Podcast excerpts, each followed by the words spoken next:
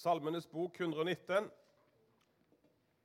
Og Her er det noen vers eh, egentlig Hele salma er jo fantastisk. Den handler egentlig om Guds ord. Eh, hele salma. Så det er, er nydelig, nydelig, nydelig lesning. Eh, og I vers 80 så, så, sier han her at eh, La mitt hjerte være fullkomment i dine forskrifter. Og Så sier han videre at eh, for at jeg ikke skal bli til skamme Min sjel tæres av lengsel etter din frelse, og jeg venter på ditt ord. Vers 97. Og hvor høyt jeg elsker din lov.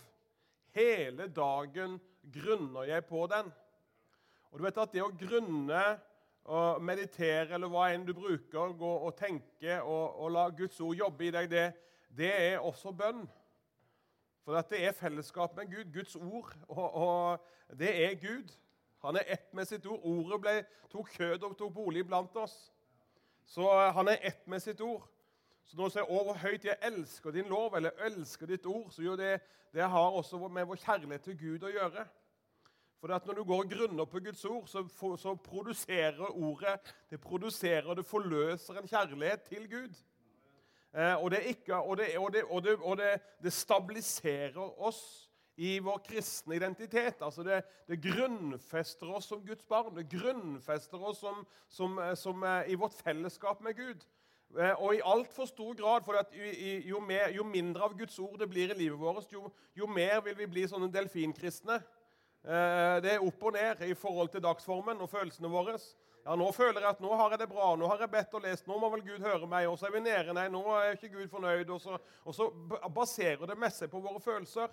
Det som grunnfester oss i vår identitet, det som grunnfester oss i vår relasjon med Gud, det som produserer den troen som er fra himmelen, det er Guds ord. Troen den kommer av forkynnelsen, og forkynnelsen kommer av Kristi ord. Det er ingenting annet som produserer tro. Nei. Vi kan tenke at det og, og all, Men, men det, det, er for, det, er Guds ord, det er Guds løfter som produserer Guds ord, som produserer tro. Men det også er med på å, å, å, på en måte gjøre at vårt indre får mat. Vårt, ditt indre eh, får den maten som den trenger. og Din ånd blir metta og mata med Guds ord. Det betyr at du blir sterk i ditt indre. Paulus han sier til Efesene, 'Bli sterk i Herren'. Bli sterk i Herren og i Hans veldige kraft. Han sier jo ikke det, han sier, han sier det av at det var, det var jo ikke en, det var mer en befaling. Bli sterk i Herren og i Hans veldige kraft. Så Her sier han at hel, over, helt, høyt jeg elsker din lov. Hele dagen grunner jeg på den. Dine bud gjør meg visere enn mine fiender. For de er mine til evig tid.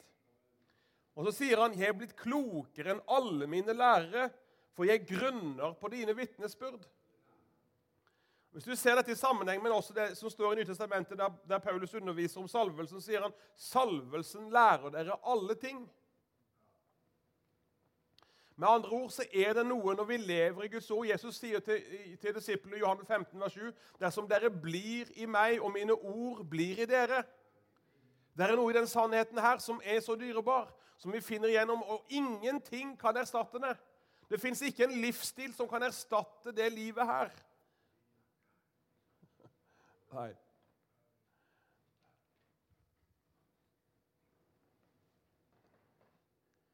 Jeg er blitt klokere enn alle mine fiender, for jeg grunner på dine vitnesbyrd. Og så sier han i vers 100.: Jeg er blitt mer forstandig enn de gamle.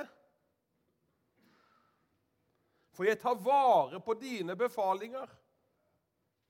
Så det som har med åndelig modenhet å gjøre, åndelig eh, vitalitet å gjøre, har ikke nødvendigvis noe med alder å gjøre. Du kan finne eldre mennesker som, som er si, frafalne i, sin, i, sitt hjerte, men som tror på Gud og alt dette. Og så fins det motsatt mennesker som er, som er, eldre, og som fremdeles er brennende i troen. Og det, det du, finner du i alle generasjoner. Så alder i seg selv er ikke tegn nødvendigvis at det er visdom, eller at det er noe at, at det på en måte, og Derfor så handler det egentlig til syvende og sist om vår relasjon til Jesus Kristus. Om vår første kjærlighet, at vi kan bevare vårt hjerte nært Gud. Og det er klart at Hvis du har vandra med Gud i mange år, bevart hjertet mykt og rent innenfor Herren, da har du noe som er så dyrebar, for det står at den prøvede tro er mer dyrebar enn gull. Det er noe med den prøvede tro som når mennesker bevarer sitt hjerte. Og At man ikke blir opptatt av alt det ytre, men det handler om vårt hjerte, det indre, relasjonen med Gud. Og Jeg har brukt eksempelet her før, men jeg vet at eh, når Jakob Olnik, pappaen til Kjell, når han var over, rundt en 80 år, eh, så var vi på gata sammen i Grimstad klokka to på natta og vitna. Og, og, og, og Jakob han elska å være sammen med ungdommen. Han var jo veldig sosial. Eh, han, men han elsket å være sammen med oss. og var, Jeg gikk, jeg husker enda, var mellom ett og to, på og så tenkte Kjell, skal Åge, nei, eh, Jakob skal du hjem og sove. Jo, jeg skal snart hjem, sa han. skal snart hjem. Men han måtte være med litt til. Det var masse folk i byen. Det var på en vårdag. Og Han gikk der, og han var bare en sånn stor pappahjerte. Og Han var med på ungdomsmøter og han var med på alle mulige ting. Og Jeg husker enda det var en konflikt i Betania hjemme. Det var, det var en strid om de skulle bygge nytt eller bevare det gamle. Og, og jeg tror Jakob var ikke helt sikker på hva han skulle si oppi dette her. Men så går Jakob fram på talerstolen og så sier han eh, når det gjelder denne saken, så har jeg valgt å være positiv, sa han.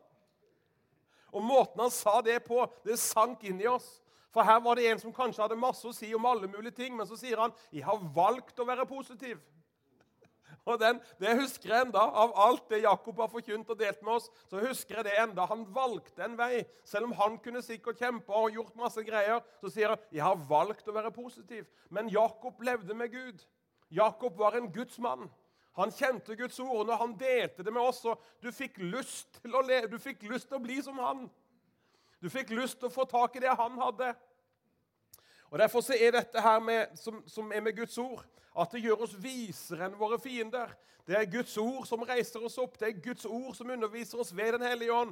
Når vi begynner å la ordet ta tak i oss, og ordet begynner å gripe oss vi, Men du må først gripe ordet. For når du begynner å gripe ordet, så vil ordet begynne å gripe deg. Men du må ta en bestemmelse. Dette året skal være et år av Guds ord. Der du setter av tid. For ingen, Gud kommer ikke til å sette av tid for deg. Dessverre må vi meddele det. Herren kommer ikke til å rydde plass i din timeplan. Det må du gjøre. Du må sette av tid. Du må bestemme deg for å sette deg ned og lese. Men da kommer Gud og velsigner ditt valg. Og gi deg kraft til å stå i det og utføre det. Og han vil velsigne den tiden. Så det blir en tid som du kommer til å dra nytte av og høste frukter av i lang tid. Og de tingene som du har grubla over, de kommer til å løse seg. For du får visdom fra himmelen til å møte både barna og møte ulike situasjoner. Og I det siste så har vi opplevd mye rare greier. Flotte ting, altså. Men eh, vi, har, vi, har, kjøpt et hus på Torvestad som ligger eh, Når du kommer over fra oasen fra Haugesunds side over broa, så er det ut til høyre. Og kan, vi kan se rett over til Haugesund. Og vi har nydelig utsikt der. Men så plutselig så skulle de begynne å bygge hus framfor huset vårt.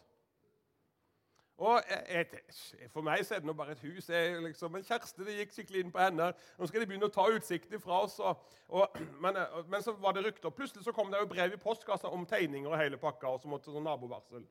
Og så da har jeg, kommer, jeg har vært i Amman på tur hjem. Og så har jeg bare bedt over saken. Og det eneste ordet som kom opp i mitt hjerte, det var fra romerbrevet. At alle ting tjener til gode, eller til det beste for den som elsker Gud. Og Så har Kjersti fått dette brevet i postkassa, og det eneste ordet som kom opp i hennes hjerte, var akkurat samme ord. Hun sa, så ringer hun til meg, og så er hun litt fortvila. Så Birger, nå har jeg fått tegningen i posten, og hva, hva, skal vi gjøre? Og Da kom det bare en, som sa det med en gang. Det første sa, alle ting tjener til det gode for den som elsker Gud. Så jeg tenker ikke å bekymre meg eller irritere meg, eller noe som helst. Jeg tenker bare å legge det på Gud. Og så fikk vi en idé, for vi har en venn som er, som er ingeniør, og så lot vi han få se på tegningen. Og han sa ja, men hvis de gjør det sånn og litt sånn, så kanskje det blir bedre. og da vil jeg ikke miste utsikten. Og så, og så sendte, lagde han en tegning, et forslag, og så sendte vi inn til dem om de kunne vurdere dette. Eh, og det var veldig profesjonelt. bare for sagt Det Det var, det var sikkert bedre enn det de hadde gjort fra før av. Og De hadde tenkt å bygge et hus i to etasjer med fire leiligheter i. Og så, eh, og jeg, men jeg, jeg, jeg, off, har, tenkt, har, ikke tenkt på dette mer enn ti minutter. for å si det sånt. Eller jeg har tenkt på det når Kjersti har snakka om det. Utover det så har jeg lagt det på Gud. Det har ikke bekymra meg en flekk. Eh, men så er greia sånn at, eh, at vi, vi, eh, vi, vi, har bedt lagt det på Herren og gått og bedt, og så, og så, plutselig så får vi et nytt brev i postkassen. Og det som har skjedd da, det er at De har sett på tegninger, så har de redusert hele huset med én etasje. Og det ligger under oss, og vi mister ingenting. Og det har aldri vært borte før. Han er ingeniør, det har han aldri vært borti før. At de bare har fjerna to leiligheter. Men du vet at det var en sånn trygghet og visshet i mitt hjerte. Jeg kan ikke forklare det. Men det var bare en sånn trygghet at dette kommer Gud til å ordne. Gud kommer til å fikse det sånn at det, at det blir til det beste. Og Det var en enkel, enkel, sak, men for oss så ble det virkelig takkemne. Gud, du har omsorg også for de tingene. At selv den lille tingen som var litt viktig for oss, det er jo ikke viktig i den store sammenhengen. Det er det jo ikke. Det er mye viktigere hva som skjer i Gaza og hva som skjer eh, rundt forbi verden. Men, men tenk, han hadde tid til å, å hjelpe oss med det òg. Vi tjener en stor Gud, folkens. Og Vi tjener en Gud som ønsker å bevare våre hjerter. Og Guds ord det gir den tryggheten, det gir den stabiliteten, det gir den at vi blir grunnfesta at uansett hva som skjer, så vil det være et ord som popper opp. Det vil være noe som bringer hjertet i trygghet og i ro. Uansett hva som måtte skje. Og Vi har jo hatt ulike ting med sykdom for barna. Og, jeg har bare kjent at når det har skjedd, så har det kommet et ord fra himmelen som vi har stått på. Til og med kroniske sykdommer på ene gutten vår som vi fikk be det gjennom, og han er blitt frisk, og legene skjønner ingenting. Vi har fått sett det skje igjen og igjen at Gud har ført oss igjennom den ene prøvelsen etter den andre. Hva har bevart oss? Jo, det er Guds ord. Det er Guds løfter. Halleluja. Det har brakt fred, det har brakt ro, det har brakt trygghet, og det har stabilisert vår tanke. Når vi legger oss på kvelden, så har jeg hatt, hatt som vane når jeg lærte meg var ganske ung, det å grunne på Guds ord når jeg legger meg om kvelden. Det har bevart mine tanker og mitt sinn og min, i renhet og innenfor Gud. Fordi at det er på kvelden du skal legge deg, eller du på natta du har bekymring og ting kan komme. Da er det underbart å tenke på Guds ord. Halleluja. Så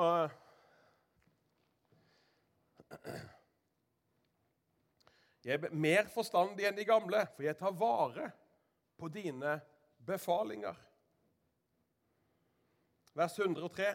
Hvor dine ord er søte for min gane, de er bedre enn honning for min munn. 105. Han, sier av dine befalinger får jeg forstand. Derfor hater jeg all løgnens sti, for at ordet er sannhet. Ditt ord er en lykt for min fot, et lys på min sti. Vers 112. Jeg har bøyd mitt hjerte til å gjøre etter dine forskrifter. Jeg har bøyd mitt hjerte. Interessant ordbruk. Jeg har bøyd mitt hjerte. Jeg har bøyd mitt hjerte til å gjøre til dine forskrifter for evig, inntil enden. Vers 130. Når dine ord åpner seg, gir de lys.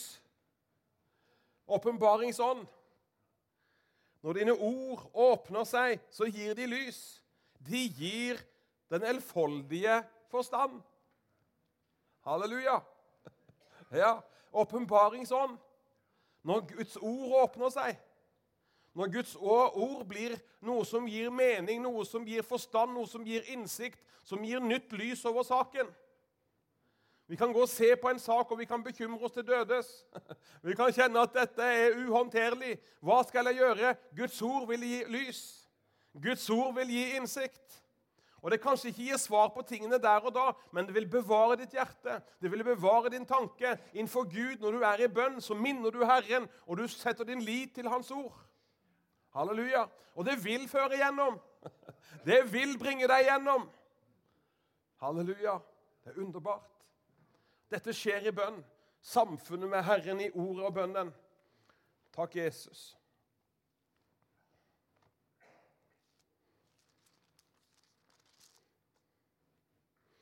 Salme 140 står det ditt ord er lutret og renset. Din tjener elsker det.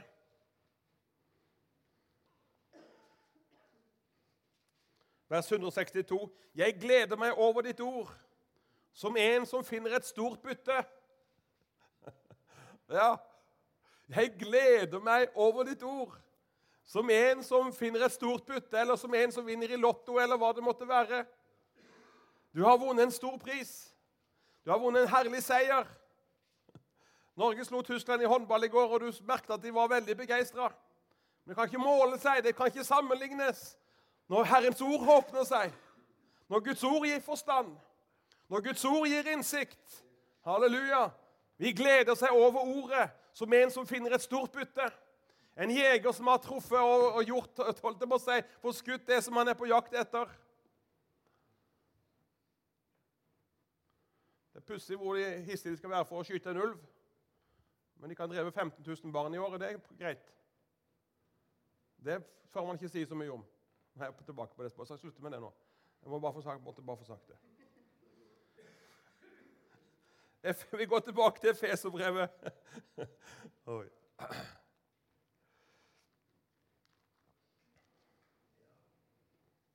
Efeserbrevet kapittel 3. Vi har nå tatt tak i de apostoliske bønnene som omhandler det med frimodig forkynnelse. At Herrens tjener skal få tale ord med frimodighet. Dette med tegn, under og mirakler. Dette med å ha ett ett sinn og dette med enhet innad i flokken. Selv om vi er så forskjellige, selv om vi er, har ulike syn og ulike meninger, så ber vi om at Gud skal smelte hjertene sammen i ett hjerte og en sinn, der vi ser bort ifra alle mulige personlige eh, prefer, si, preferanser. Der vi kjenner at det å få møte Gud er det som betyr noe. At Gud får slippe til, at Gud får gripe hjertene.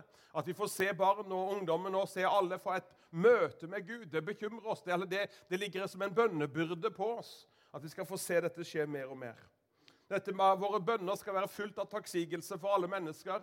Vi takker Gud for enhver i menigheten, takker Gud for alle som har valgt å ta på seg ansvar. Vi er ikke satt her for å kritisere eller være ekspertkommentatorer, men vi er her for å be for menneskene, be for de som har sagt ja, og stille seg til disposisjon. Vi ber om visdom og åpenbaringsånd over Guds menighet. Vi ber om visdom og åpenbaringsånd over eget liv. Vi ber om at han skal gi oss hjertets opplyste øyne, så vi kan forstå hvilken rikdom, så vi kan forstå hvilken kraft som er gitt til vår disposisjon, som er midt iblant oss. Halleluja. Eh, og Så skal vi gå til Efeserbrevet kapittel 3. og Her er også en nydelig, nydelig eh, eh bønn som vi ser fra vers 14. Så sier Paulus.: Derfor bøyer jeg da mine knær for Faderen, Han som er den rette far for alt som kalles barn, i himmelen og på jorden og så sier han, 'Jeg ber om at Han etter sin herlighetsrikdom ved sin ånd må gi dere å styrkes med kraft i det indre mennesket.' Dette er en apostolisk bønn. Dette er en bønn som er født i Guds hjerte, og som er inspirert eh, Paulus til å skrive for menigheten og be for menigheten i Efesus. Dette er en bønn som vi trenger å be for hverandre i dag. Herre, jeg ber for hver enkelt av, av, jeg ber for min egen del at du må styrke meg ved din ånd. At du må styrke meg med kraft i det indre mennesket. Jeg ber at du må styrke hver enkelt medlem, hver enkelt lem på kroppen, en, hver enkelt medlem i menigheten her. Du må styrke dem med kraft i det indre mennesket. Halleluja. La de får kjenne denne dagen at du styrker dem med kraft i det indre. Amen. En bibelsk bønn. En nødvendig, men viktig bønn. Så skriver vi det ned gjerne på sånne punkter i begynnelsen, sånn at vi kan lære oss å be ut Guds ord.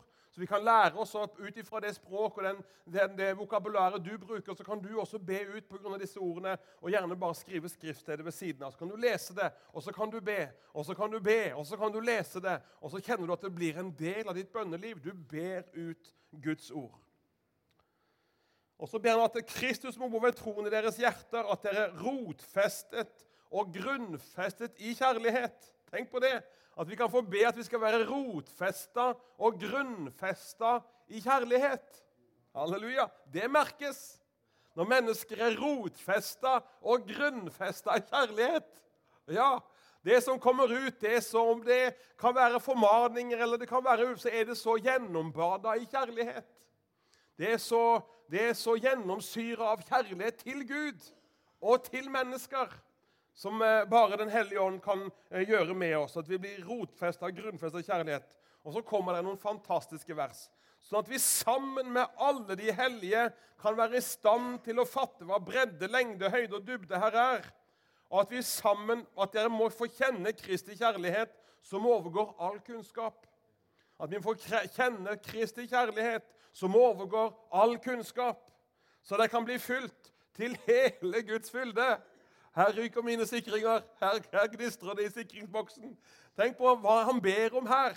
Jo, han ber om at vi sammen med alle de hellige Det fins altså noen åpenbaringer. Det fins noe som man har spart i fellesskapet. Det er herlig å være Jesus med Jesus alene. Det er nydelig, det som han viser meg der. Men det er noe som er så kraftfullt. Han har spart det til fellesskapet. Når vi kommer sammen, sånn at vi sammen med alle de hellige kan bli i stand til å fatte, til å forstå til å gripe, til å skjønne hvilken denne kjærligheten vi har i Kristus Jesus. hvilken høyde, bredde, lengde og dybde her er. Og så står det så vi kan bli fylt til hele Guds fylde. Hva i all verden kan det være? Hvordan kjennes det? Hvordan oppleves det? Dette er jo realiteten vi snakker om, folkens. Det å bli fylt til hele Guds fylde. Og Dette tenker jeg er en sånn litt langsiktig plan for oss, men når vi forstår at dette vil jeg være med på Jeg ønsker at dette skal få skje iblant oss. Vi har det fint, det er ikke det, men jeg tror vi har mer å gå på. Og Istedenfor å klage på alt som vi tror som burde vært sånn, eller burde vært sånn, så kanskje vi skal komme sammen og søke Gud og be sammen. Og være med og løfte hverandre opp og bygge hverandre opp. For det er ingen som blir bedre av å bli klaga på. Jeg bruker et bilde. Det var en kar i Hammerfest. Han var, han var nyfrelst, og så var han gift. og så var Kona kjefta så på han, for han var jo blitt frelst og en helt annen mann. og så ble han kjefta på. Og så ringer han. 'Birger, man blir jo ikke en bedre mann av å høre at man er en dårlig mann.' Det var bare sånn en fantastisk måte å si det på. Man blir jo aldri en bedre mann av å høre at man er en dårlig mann. Nei, Og du blir heller ikke en bedre kristen eller en bedre, du får ikke en bedre menighet å høre hvor dårlig den er. Den blir ikke bedre av det. Den blir bedre ved at vi er bedre. Ved at vi eh, lever vårt eksempel og er der og velsigner og løfter opp og velger å være positive og velger å være med å bære og ta ansvar. Da blir det bedre. Halleluja! Derfor så må vi brette armene opp litt, både i våre hjertes tanker og holdninger, og tenke at hvis det er ting som ikke er som, burde, som, det burde være, da ber vi. Da søker vi Gud. Da er vi med på å be om at Guds ånd skal få bryte igjennom. Halleluja! At Guds ånd skal få ta over. At menigheten skal bli fylt til hele Guds fylde. Og hva enn det innebærer, så tror jeg det må være herlig. Jeg tror det blir bra. Jeg tror det må kjennes nydelig ut når vi får bli fylt av Guds ånd. Det gjør oss til bedre menn. Det gjør oss til bedre damer også. Vi får bli den som vi er i Kristus Jesus. Når Kristi natur, når den guddommelige naturen får lov til å vinne skikkelse i oss, da blir vi bedre, folkens. På grunn av Han. Takk, Jesus. Ja, jeg tror dette er veien, altså. Er jeg tror det er rimelig bibelsk. Og så kommer det et vers, et nydelig vers, en nydelig løfte i Bibelen. Han som kan gjøre mer enn alt. Tenk på det. Det er han vi ber til. Han som kan gjøre mer enn alt. Han kan gjøre mer enn alt. Den setningen nå, det krasjer her. Det må jo være godt nok å kunne alt. Det, det hadde vært en fantastisk setning å si at Gud, han kan alt. Nei da, han kan mer enn alt. Jeg mener, det, det, det, det, krasjer i all sin urimelighet å si noe sånt. Nei da, for at Gud er så ubegrensa. Så det er vårt, vårt konsept om hva alt er. Det bare smelter når Gud begynner å ta tak i ting. Halleluja. Han som kan gjøre mer enn alt. Langt utover det vi har forstand til å be Han om. Langt utover det vi ber eller forstår. Med andre ord om du føler at dine bønner er begrensa i sine formuleringer og i sin forstand og i sitt uttrykk, så skal du vite at Gud han svarer deg ikke i henhold til dine formuleringer. Nei da, han svarer deg i henhold til dine, ditt hjerte, til dine bønner. Han som kan gjøre mer enn alt. Langt utover det vi har forstand til å be han om. Halleluja. Vi tjener en begrensa Gud, men det eneste kriteriet her er at vi ber.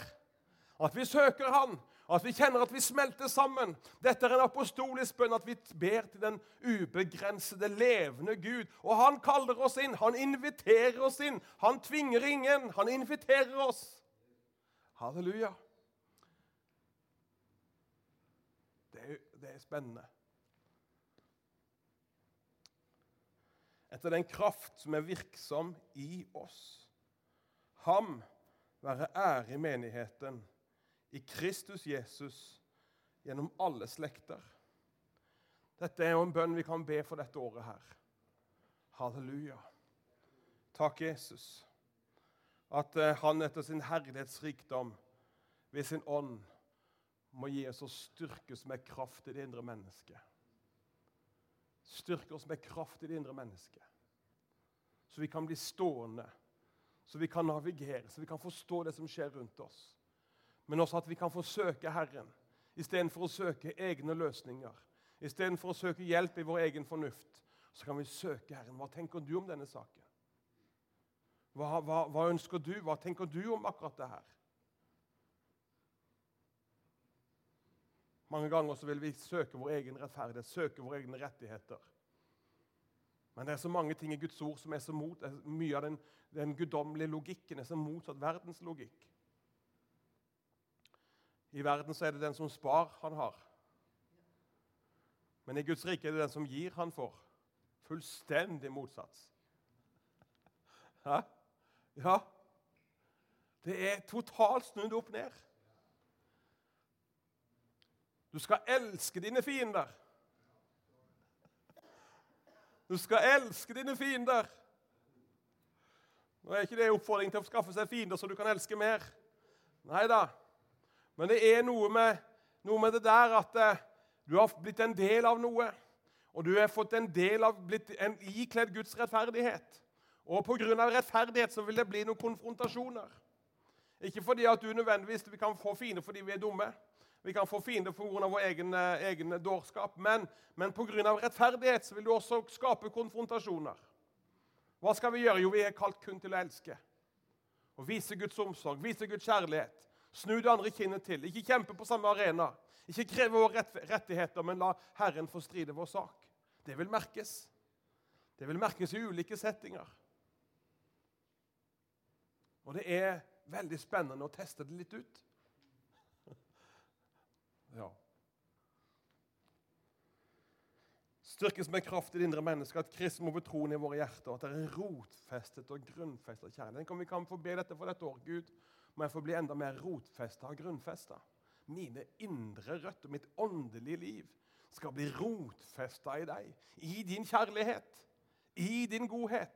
At mitt indre drikker av din kjærlighet, drikker av ditt nærvær. Så mine handlinger, mine ord, alt jeg gjør, det er motivert av kjærlighet. Det er prega og gjennomsyra av Guds guddommelige kjærlighet. Som ikke elsker på grunn av, men som elsker på tross av. Der vi kan vise omsorg for de menneskene som fortjener det minst, men som trenger det mest. Da er vi med på å uttrykke hvem Gud er. Og mennesker kan få møte Gud gjennom dine handlinger. Og det er spennende. Og Dette Gud kaller oss til som menighet. Hvis vi tror at folk skal få bli, komme inn hit og bare fordi vi synger så fint og har så god kaffe, da må vi tro om igjen. Eller for at vi er så flinke å formulere. Nei, det er noe med nærværet. Det er noe som er annerledes her. Det, det, er ikke først og fremst det du hører, det er ikke først og fremst det du ser, men det er noe du kjenner. Det er noe som er annerledes. Jeg har hørt mange ganger jeg tar med meg rusmisbrukere på møtene hos oss, og så er det kanskje mye folk på møter, det kan være litt, men så kjenner jeg det var så fredfullt der. Det var så godt å være der. Det var noe, det var, og vi er kanskje, kan, Jeg kan jo kjøre på, for det er mye mer folk, og man kan trykke på. Men de ser bort ifra de, på en måte, Det er noe som berører deres indre. Og det er det, det er det som er så avgjørende.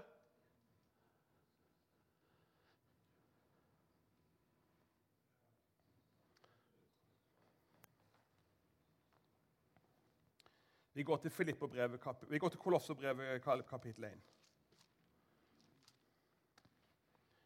Vi skal be litt sammen også for, for, for, for, behov også før vi tar slutt i dag, men vi må dele litt til. Kolosserbrevet kapittel 1. Og fra vers 9. Dette er apostoliske bønnene som vi ser i Nytestamentet. Så sier han her, eh, vers 9. Derfor eh, så sier han i vers 3.: Vi takker alltid Gud det finner du igjen hele veien. Vi takker alltid Gud. Ja, Så det er bra. Eh, så sier han i vers 8 at, eh, at, han har også fortalt om deres kjærlighet i ånden. Derfor har vi heller ikke holdt opp med å be for dere like fra den dag vi fikk høre om det. Vi ber om at dere må fylles med kunnskap om Guds vilje i all åndelig visdom og forstand. Ja, vi ber om at det må fylles med kunnskap om Guds vilje. Kunnskap om Guds vilje. Vi ber at det må fylles med kunnskap om Guds vilje.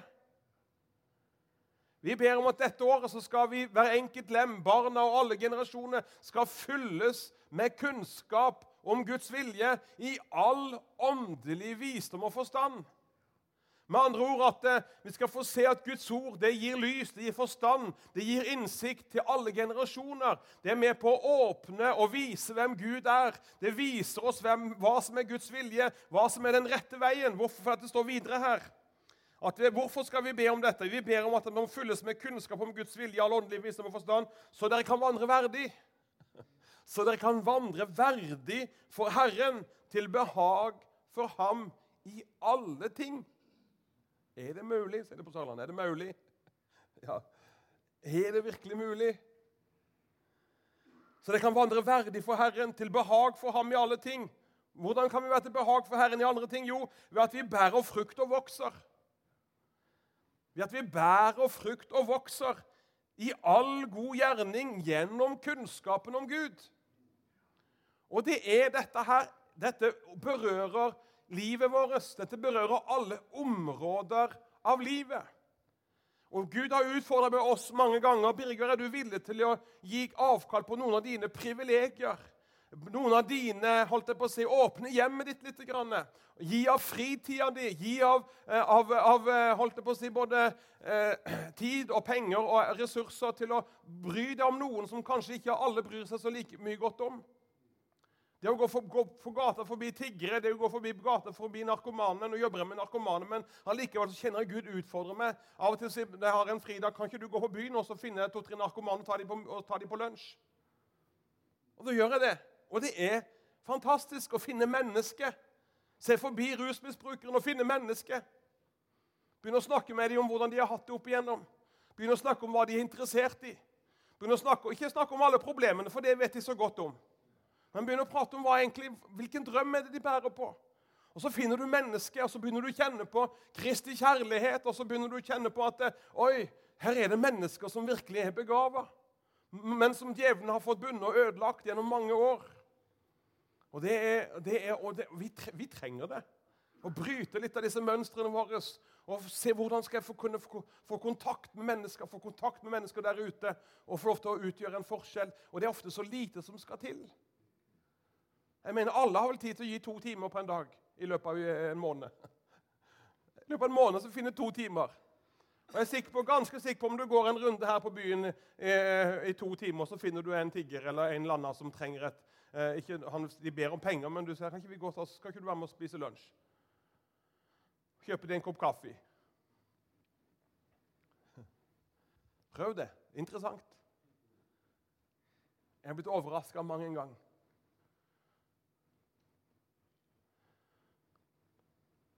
Finne mennesker som er elsket av Gud. Få se den sjelen, den som er forbi det ytre. Invitere noen hjem på middag på julaften. I fjor så tok vi og la ned julaften, og så feira vi julaften i Haugesund i kirka.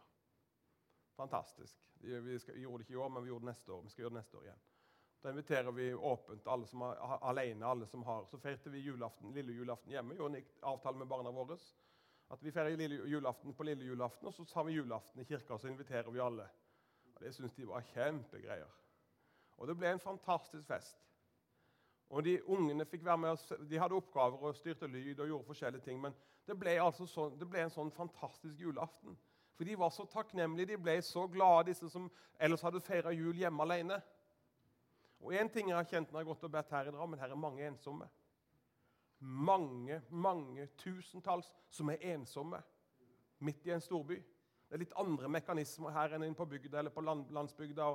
det fins ensomme der men her det, det, det, det funker på en litt annen måte. Men de er her. Så Gud skal gi ideer. Gud vil gi tanker. Gud vil gi eh hva skal jeg si for noe? Han vil gi, Kjærligheten er kreativ. Når du er forelska, da er du kreativ. altså. Da finner du på alt mulig rart. Fornuftig og ufornuftig. Og det er noe med den her, Når vi blir grepet av Jesus og blir grepet av den kjærligheten han har for mennesker, da, da, da, blir du kreativ. Og Det er ofte ikke de store tingene som er greia. Da kan det være et stort steg å begynne å rote med julaften. Men det er ikke det som kan ta hvilken som helst annen kveld. Bare inviter folk. Og Kommer dere to stykker, så er det de to. Da får de full oppmerksomhet den kvelden. Det kan bety liv og død. Og jeg tror at det behager og gleder Guds hjerte. Men når vi begynner å søke Guds kunnskap i bønnen, når vi begynner å be om at Guds vilje skal åpenbare seg, og vi får en lengsel til å kjenne Guds vilje for denne byen Hva er det Gud virkelig vil? Hva er det Gud tenker? Hva er det Gud ønsker å si oss? Og Så begynner vi å søke det, og så begynner vi å be om det, og så begynner det å påvirke våre handlinger, slik at vi kan vandre verdig for Herren i alle ting. At vi bærer frukt og vokser, så ikke det bare er gode tanker og gode intensjoner, så ikke det bare er flotte ord, men det blir virkelighet ved at vi faktisk beveger oss og gjør noe. For det at bønnen den vil alltid forløse oss til å gjøre noe. Det er jo derfor djevelen hater bønnen. For den bønnen den tenner, den skaper noe, den føder noe ned i våre hjerter som igjen vil føre til handling. Og det er de handlingene som er født i bønn, som vil bryte gjennom. For det som er født av Gud, 1. Johannes kapittel 5, vers 4, at der står det at alt som er født av Gud, seirer over verden. Og dette den seier som er seiret over verden, det er vår tro. Med andre ord, Det som er født i bønn, det som er født innenfor Guds åsyn, der kommer det ideer, der kommer det tanker. Og der kommer det ting som Gud ønsker vi skal gjøre. Og så kan ikke vi bare tenke at alle andre skal gjøre det. Men du skal være en del av det. Ja, Men jeg kan jo ikke gjøre det. Nei, vi kan egentlig ingenting, noen av oss. Jesus sa uten meg kan dere ingenting gjøre. Men sammen med han så klarer vi alle ting. Sammen med han så kan vi ta ett steg, og så hjelper han oss med andre steget. Og at Jeg tror at Gud skal få gi dere noen tanker og ideer. Gud skal gi noen kreative eh, ting som gjør at dere kan få utgjøre en forskjell for ett menneske. Eller to mennesker. Eller tre mennesker. Og så plutselig så det en, begynner noe å berøres, og noe begynner å skje som er utover vår forstand, utover vår tanke. Halleluja.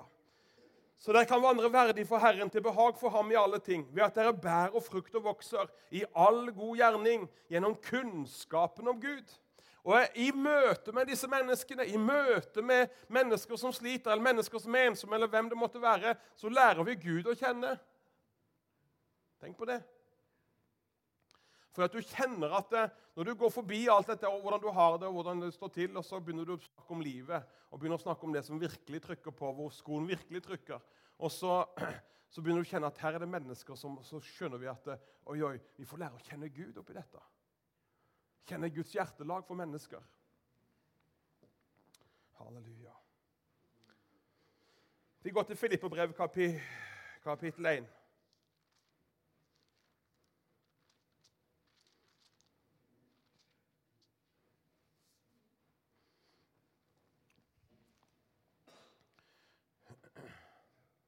Vers 3 takker min Gud så ofte som jeg tenker på dere. Her kom den igjen. Jeg takker min Gud så ofte som jeg tenker på dere.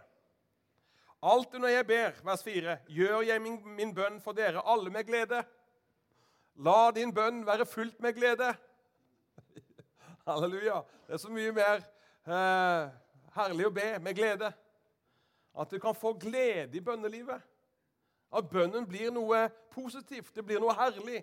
Det blir noe som vi verdsetter, og som vi er fylt med takknemlighet. Og så sier han, for jeg er fullt viss på vers 6, at han som begynte en god gjerning i dere, han vil fullføre den inntil Jesu Krist i dag. Det er også et nydelig vers når du ber for mennesker og du tenker at hvordan skal det bli med den? Da ber vi om at han som begynte et godt verk, han skal også fullføre det. Halleluja. Og så er du med på å minne Herren om det han har begynt i menneskers liv. Det er fantastisk. Eh, for det er jo bare rett at jeg tenker slik om dere, fordi jeg bærer dere i mitt hjerte. Jeg bærer dere i mitt hjerte. Hvordan gjør han det? Jo, gjennom bønn. Du kan ikke bære mennesker bare ved å gå og gruble og bekymre deg. Nei, gjennom bønn så bærer du mennesker. Han beskriver sitt bønneliv. Han går og tenker og grunner og, og bærer mennesker i sitt bønneliv, i sitt hjerte, innenfor Herren. For dere står sammen med meg i nåden, både når jeg er i lenke, og når jeg forsvarer og stadfester evangeliet. For min Gud er mitt vitne på hvordan jeg lengter deg etter dere alle med Kristi Jesu hjertelag. Og dette ber jeg om og det, dette ber jeg om. Ja, om at deres kjærlighet må bli mer og mer rik på kunnskap og all innsikt. Det er en bønn vi trenger å be også for dette året, for oss sjøl og for menigheten. Her vi ber om at vår kjærlighet må bli mer og mer rik på kunnskap og innsikt. Så at ikke vi navigerer ut ifra denne verdens definisjoner på kjærlighet. Denne verdens definisjoner på hva som er ok. Nei, for det settes ikke ok. Men vi navigerer ut fra den kjærligheten som er i Gud. av gaven, som er ren, som er hellig, som er, som er full av Gud. Slik at de kan dømme om hva som er rett i de forskjellige spørsmål, som de kan stå rene og uten lyte på Kristi dag, fylt av Guds rettferdsfrukt ved Jesus Kristus til Gud, pris og ære. Vi skal gå videre. Jeg kunne sagt mye her, men men denne kjærligheten, når vi ber om dette, så er det for at vi skal kunne dømme om hva som er rett. Det er bønner sånn at vi kan navigere og avgjøre hva som er rett i de ulike spørsmål. Det er være seg politikk, det er være seg ulike ting. Det er ikke at vi skal sitte og dømme, men vi skal kunne avgjøre, for vi vil bli stilt til ansvar på så mange ulike vis. Nå, eh, da det gjelder abortspørsmål, og ting, så er dette med homofili og så har du mange andre ting, og vi kan fort gå i noen feller fordi at ikke vi har lært Gud å kjenne. Fordi ikke vi har lært Guds vilje å kjenne men at deres kjærlighet må bli mer og mer rik på kunnskap og innsikt, så de kan dømme om hva som er rett i de forskjellige spørsmål, for at de kan stå rene og uten lyte på Kristi dag. Ok, Gå til 1. Tessalonikerbrev, kapittel 3.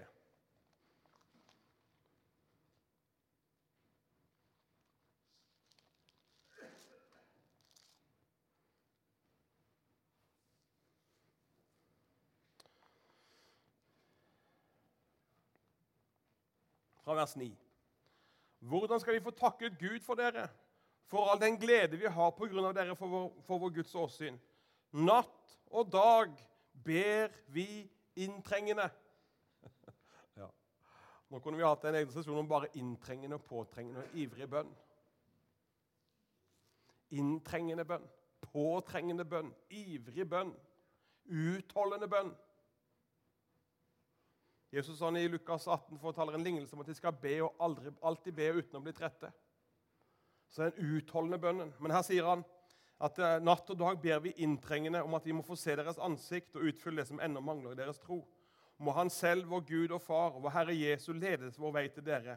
Må Herren gi dere rikdom og overflod av kjærlighet både til hverandre og til alle, like som vi har til dere igjen, nå har vi på dette tredje skriftet vi ser at han ber om at denne kjærligheten eh, At skal, han skal gi oss rikdom og overflod av kjærlighet.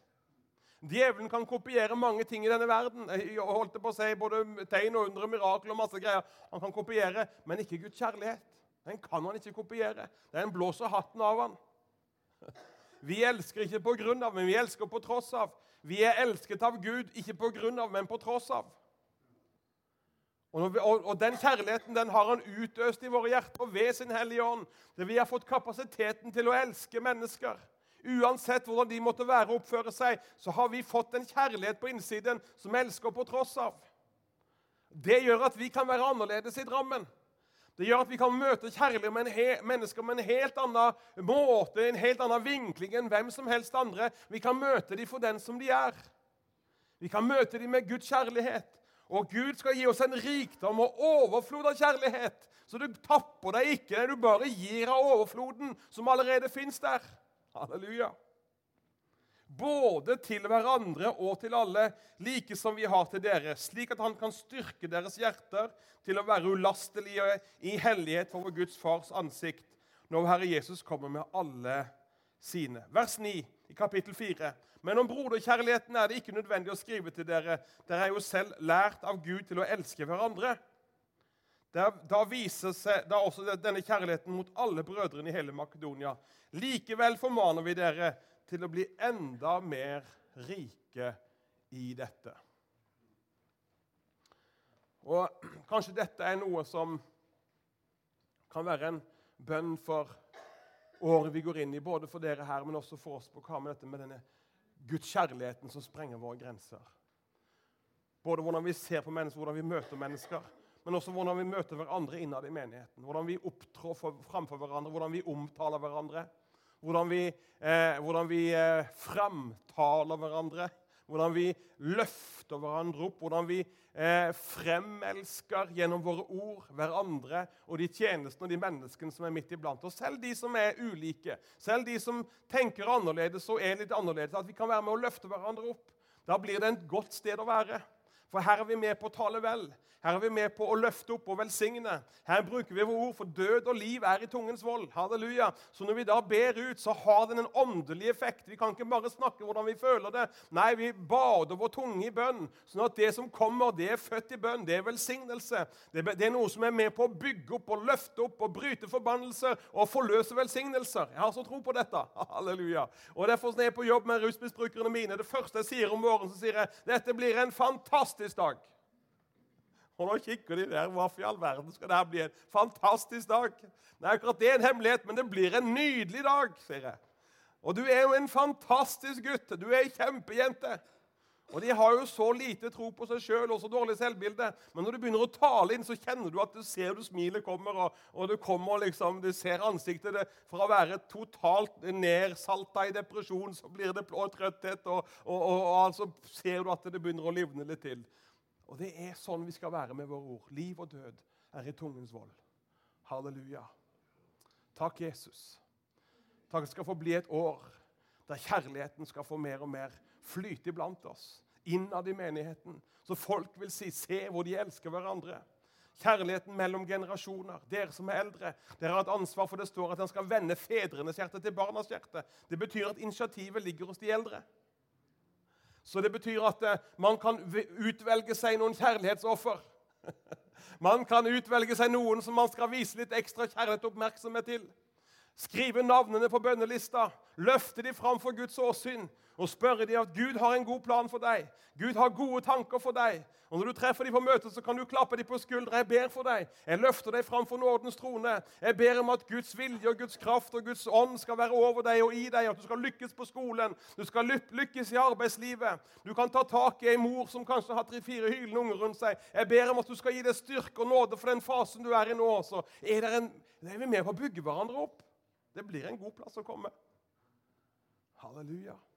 Har et av de mer rørende historiene fra bønnekonferansene våre i Hammerfest. det var jo Vi hadde bønnekonferanser rundt forbi, og så hadde vi bønnekonferanser. Da hadde vi sett Føde Edvardsen som hadde, hun lagde et svært hjerte inne på barne, barnemøtene.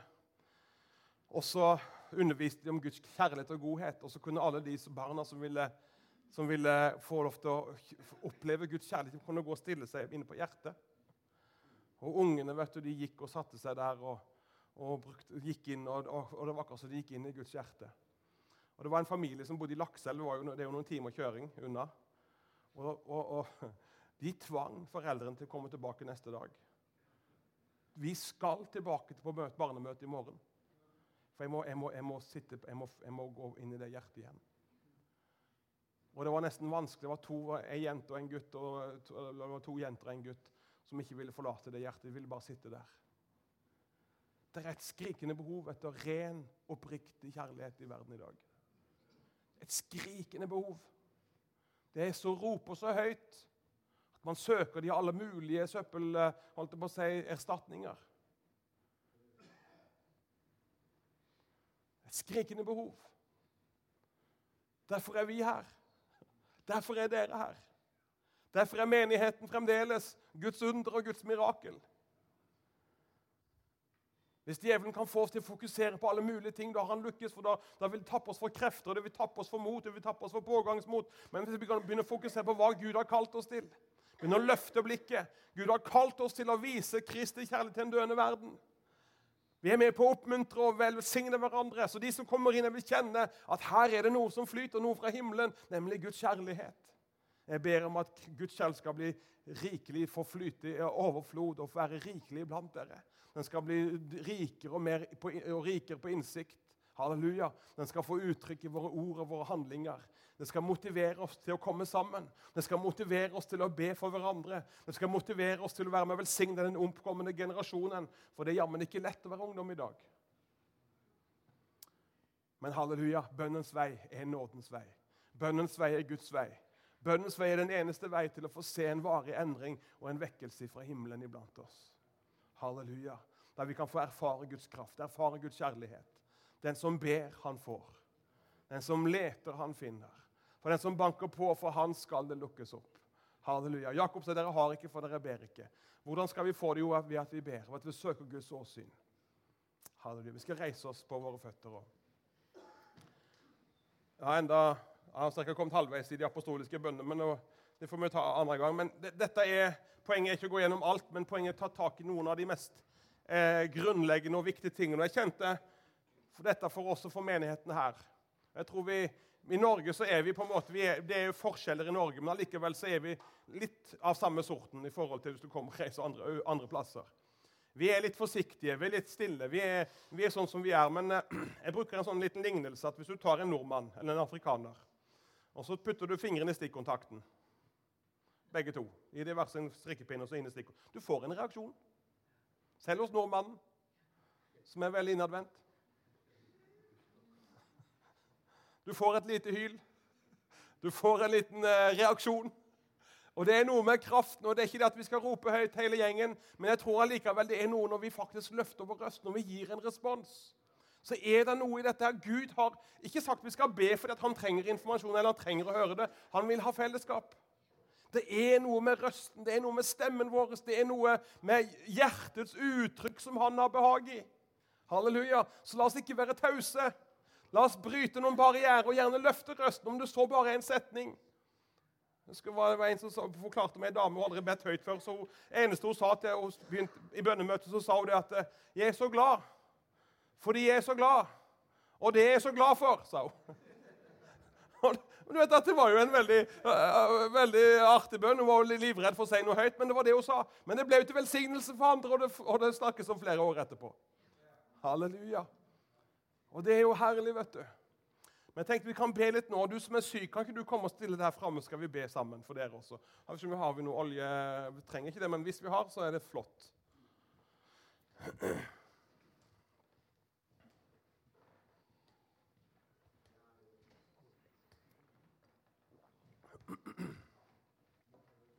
Takk, Jesus.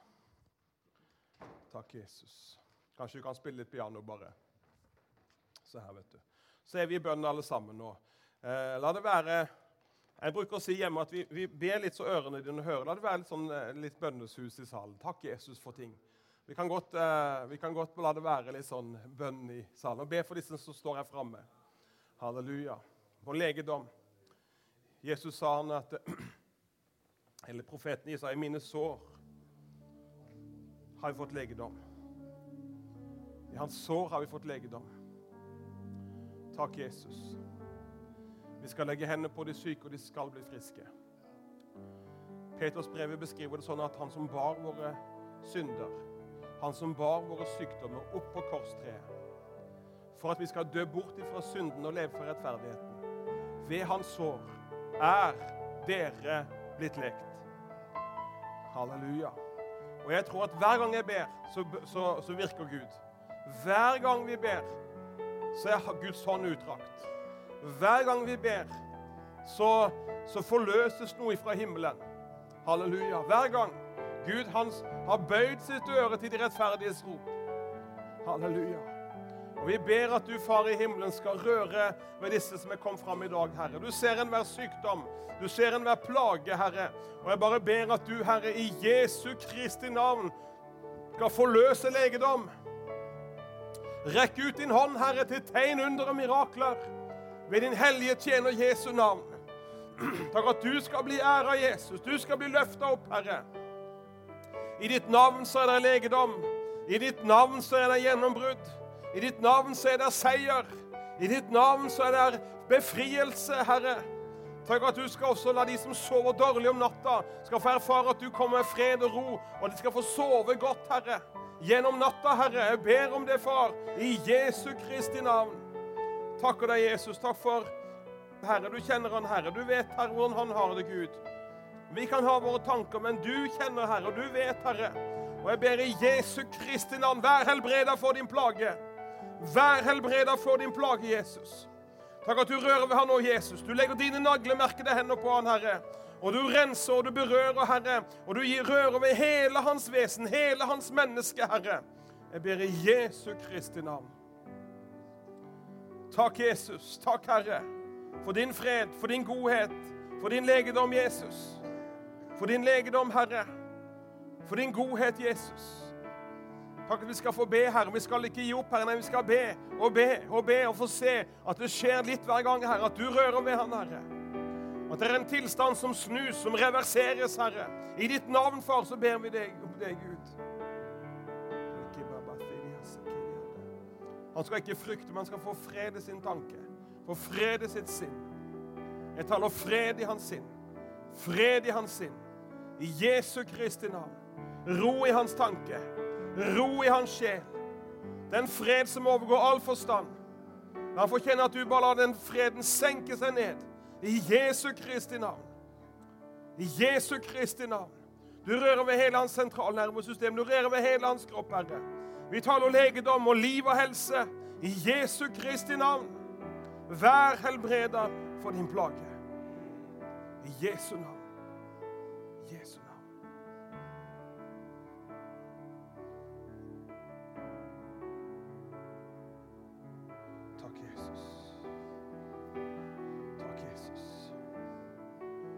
For din legedom, Herre. Takk for din legedom, Jesus. Takk for legedom. Kom, Jesus, rør ved din datter, Herre. Takk at det skal få gå en legedom ifra hodet til føttene. Røre ved hele hennes kropp, Herre. Takk at du, Jesus, døde, Herre. Du ble nagla fast til ditt kors, Jesus. Takk at det skal flytte en legedom ifra hodet til føtter. Røre ved hele hennes legeme. Jesu Kristi navn. I Jesu Kristi navn. Du er Jehova Rafa, du er Herren vår lege. Og jeg bare taler legedom i Jesu navn. Vi taler liv og helse fra din trone, Jesus. Takk at de kom for å høre deg, og de kom for å bli helbredet.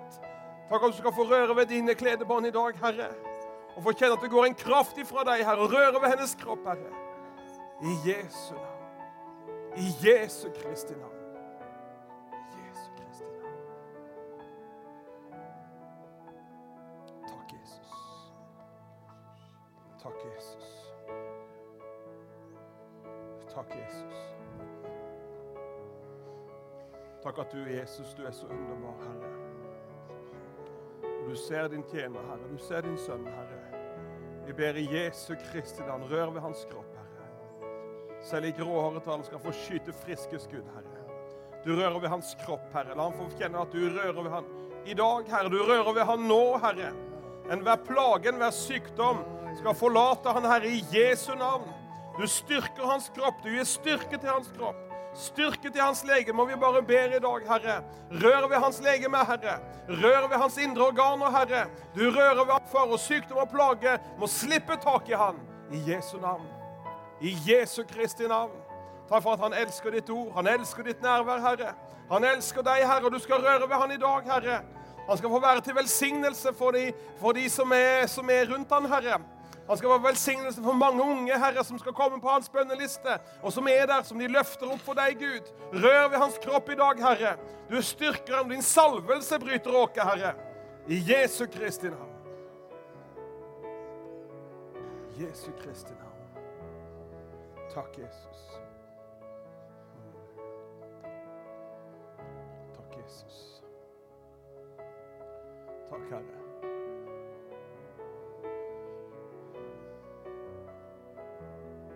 Takker deg, far, for legedom, Herre.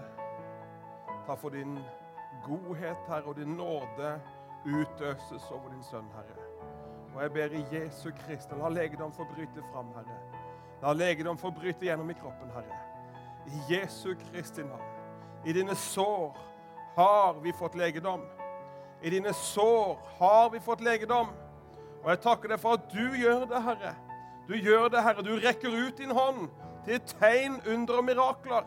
Enhver plage, enhver sykdom må slippe taket i Jesu Kristi navn. Og du skal få kjenne at han får, en berøring av deg, Herre. Takk at du rører ved hans kropp til legedom i Jesu navn. Til helbredelse, til befrielse, til gjenopprettelse, Herre, i Jesu Kristi navn. Du velsigner han, Herre. Du kjenner det, Herre. Smerte må gå. Plage må gå. Smerte må slippe taket. Smerte må slippe taket. I Jesu Kristi navn. Din kjærlighet er utøst over han og i han, Herre, ved din hellige ånd. Jeg ber i Jesu navn. I Jesu Kristi navn. Halleluja. Hvis det er flere som er syke, så legger du bare handa på det syke stedet hvis du kan det. Bare legg handa der hvor du har vondt, eller hvor du er syk. eller. Hvis ikke du kan legge handa, så legger du bare på brystet ditt. Takker deg, far, for legedom i dag, Herre. Du forløser legedom nå, Herre. Kjenner Jesus, du er nær oss i formiddag. Du er nær oss ved din ånd, og du er nær oss ved ditt ord, Herre. Og du er her for å røre ved oss. i Og du har velsignet oss med ditt ord, Herre. Og du har mata vårt indre, Herre, med dine sannheter, med ditt ord, Herre. Og jeg takker deg for at du skal fylle oss, Herre, til hele Guds fylde. Vi ber om at eh, fra denne dag av så skjer det noe i denne menighet som er fra himmelen, Herre. Kjærligheten utøses, kjærligheten begynner å flyte, og mennesker vil bli dratt hit, Herre, ved din ånd, Herre, vi ber, i Jesu Kristi navn. Og jeg takker deg for legedom akkurat nå, Herre. Smerter må gå, Herre. Plager må gå, Herre. Din legedom bare kommer og bryter gjennom, Herre. Takk for at ditt navn, Jesus, nevnes over enhver i dette rommet. I Jesu Kristi navn. Ditt navn nevnes, og ditt navn proklameres. Ditt navn, Jesus, er som en utgytt salve som leger og lindrer. Smerter i sjelen, smerter i tankene, smerter i følelsene, så kommer du, Jesus, og du lindrer og leger og gjenoppretter, Herre. Takk for at det som ligger bak oss, kjenner også at det som måtte ligge bak i fortida, Herre, det som er, det som var før, Herre, du er i går, og du er i dag.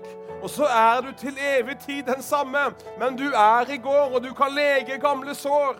Du kan lege gamle eh, ting som ligger der fra fortida, Herre. Og vi kan kjenne at du rører også ved de tingene. Den som Sønnen får frigjort, han blir virkelig fri. Halleluja. Og jeg bare ber at du skal forløse en, en, denne frelsesgleden iblant oss. Fryd oss i din frelse. Fryd oss i deg, Jesus. For du har forløst oss. Du har frelst oss, du har født oss på ny ved din hellige ånd, Herre. Og du skal utøse din ånd over din menighet, Herre. Reis oss opp til å utgjøre en forskjell i Drammen. Jeg bare takker deg, Herre, for at du gjør det. Det er ditt verk, Herre. Og vi skal fryde oss og glede oss. Halleluja. Og Vi skal få glede oss i deg, Herre. For gleden i Herren, det er vår styrke. Halleluja. Gleden i deg er vår styrke.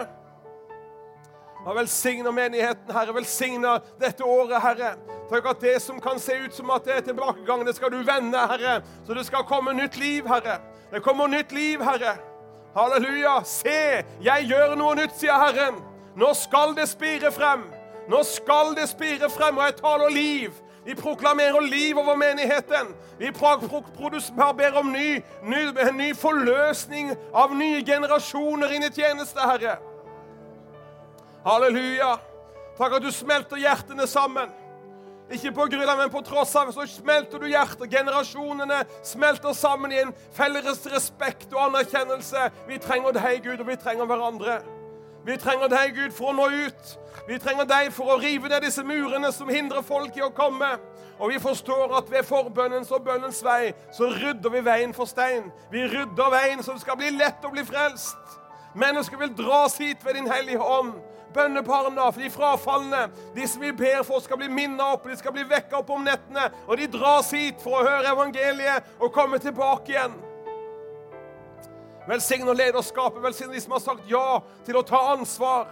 De skal få kjenne glede, de skal få kjenne styrke. De skal få kjenne at du bare er stadig hver dag. Du fyller de med kraft i det indre mennesket. Halleluja. Takk for de gamle. Du skal gi de syner og drømmer ifra himmelen, Herre. De skal få drømmer som virkelig bare tenner gløden og ilden i hjertene. Ja, vi ser vi lever en tid der skjer mye vondt, men Gud, midt i mørket så gjør du noe underbart. Så gjør du noe stort, Herre. Halleluja. Og du vekker oss, Jesus, i en tid som denne. Vi lar oss ikke sløve ned av den ånd som er virksom her ute i verden. Nei, vi vekkes opp igjen, Gud. Vi vekkes opp igjen for den tiden vi lever. Du kommer snart tilbake igjen, og du skal finne oss arbeidende. Du skal finne oss virksomme. Du skal finne oss, Herre, at vi elsker deg mer enn noen gang. Vår kjærlighet til deg den avtar ikke, den blir sterkere og sterkere. Halleluja. Priser ditt navn, Jesus. Velsigne hver enkelt. Velsigne familiene, Herre. Velsigne familien og barna, Herre. Velsigne familien og barna, Herre. Takk at barna skal bli grepet av deg, Jesus. Ikke bli grepet av alle mulige dataspill, men skal bli grepet av deg, Herre. De skal få sine møter med deg, Jesus. Bare takker deg, Gud. Takker deg, far. Velsign dagen. Velsign morgendagen. Velsign dette året, Herre. Et år vi skal få bære frukt, vokse, ta nye steg, Herre. Og få se at du, Herre, du er midt iblant oss, og du gjør noe nytt. Du spirer fram. Der hvor ingen trodde det kunne spire, der kommer det elver. Der kommer det liv, der kommer det helse. Halleluja. Der spirer det og gror. Takk, Jesus. Takk, Jesus. Amen.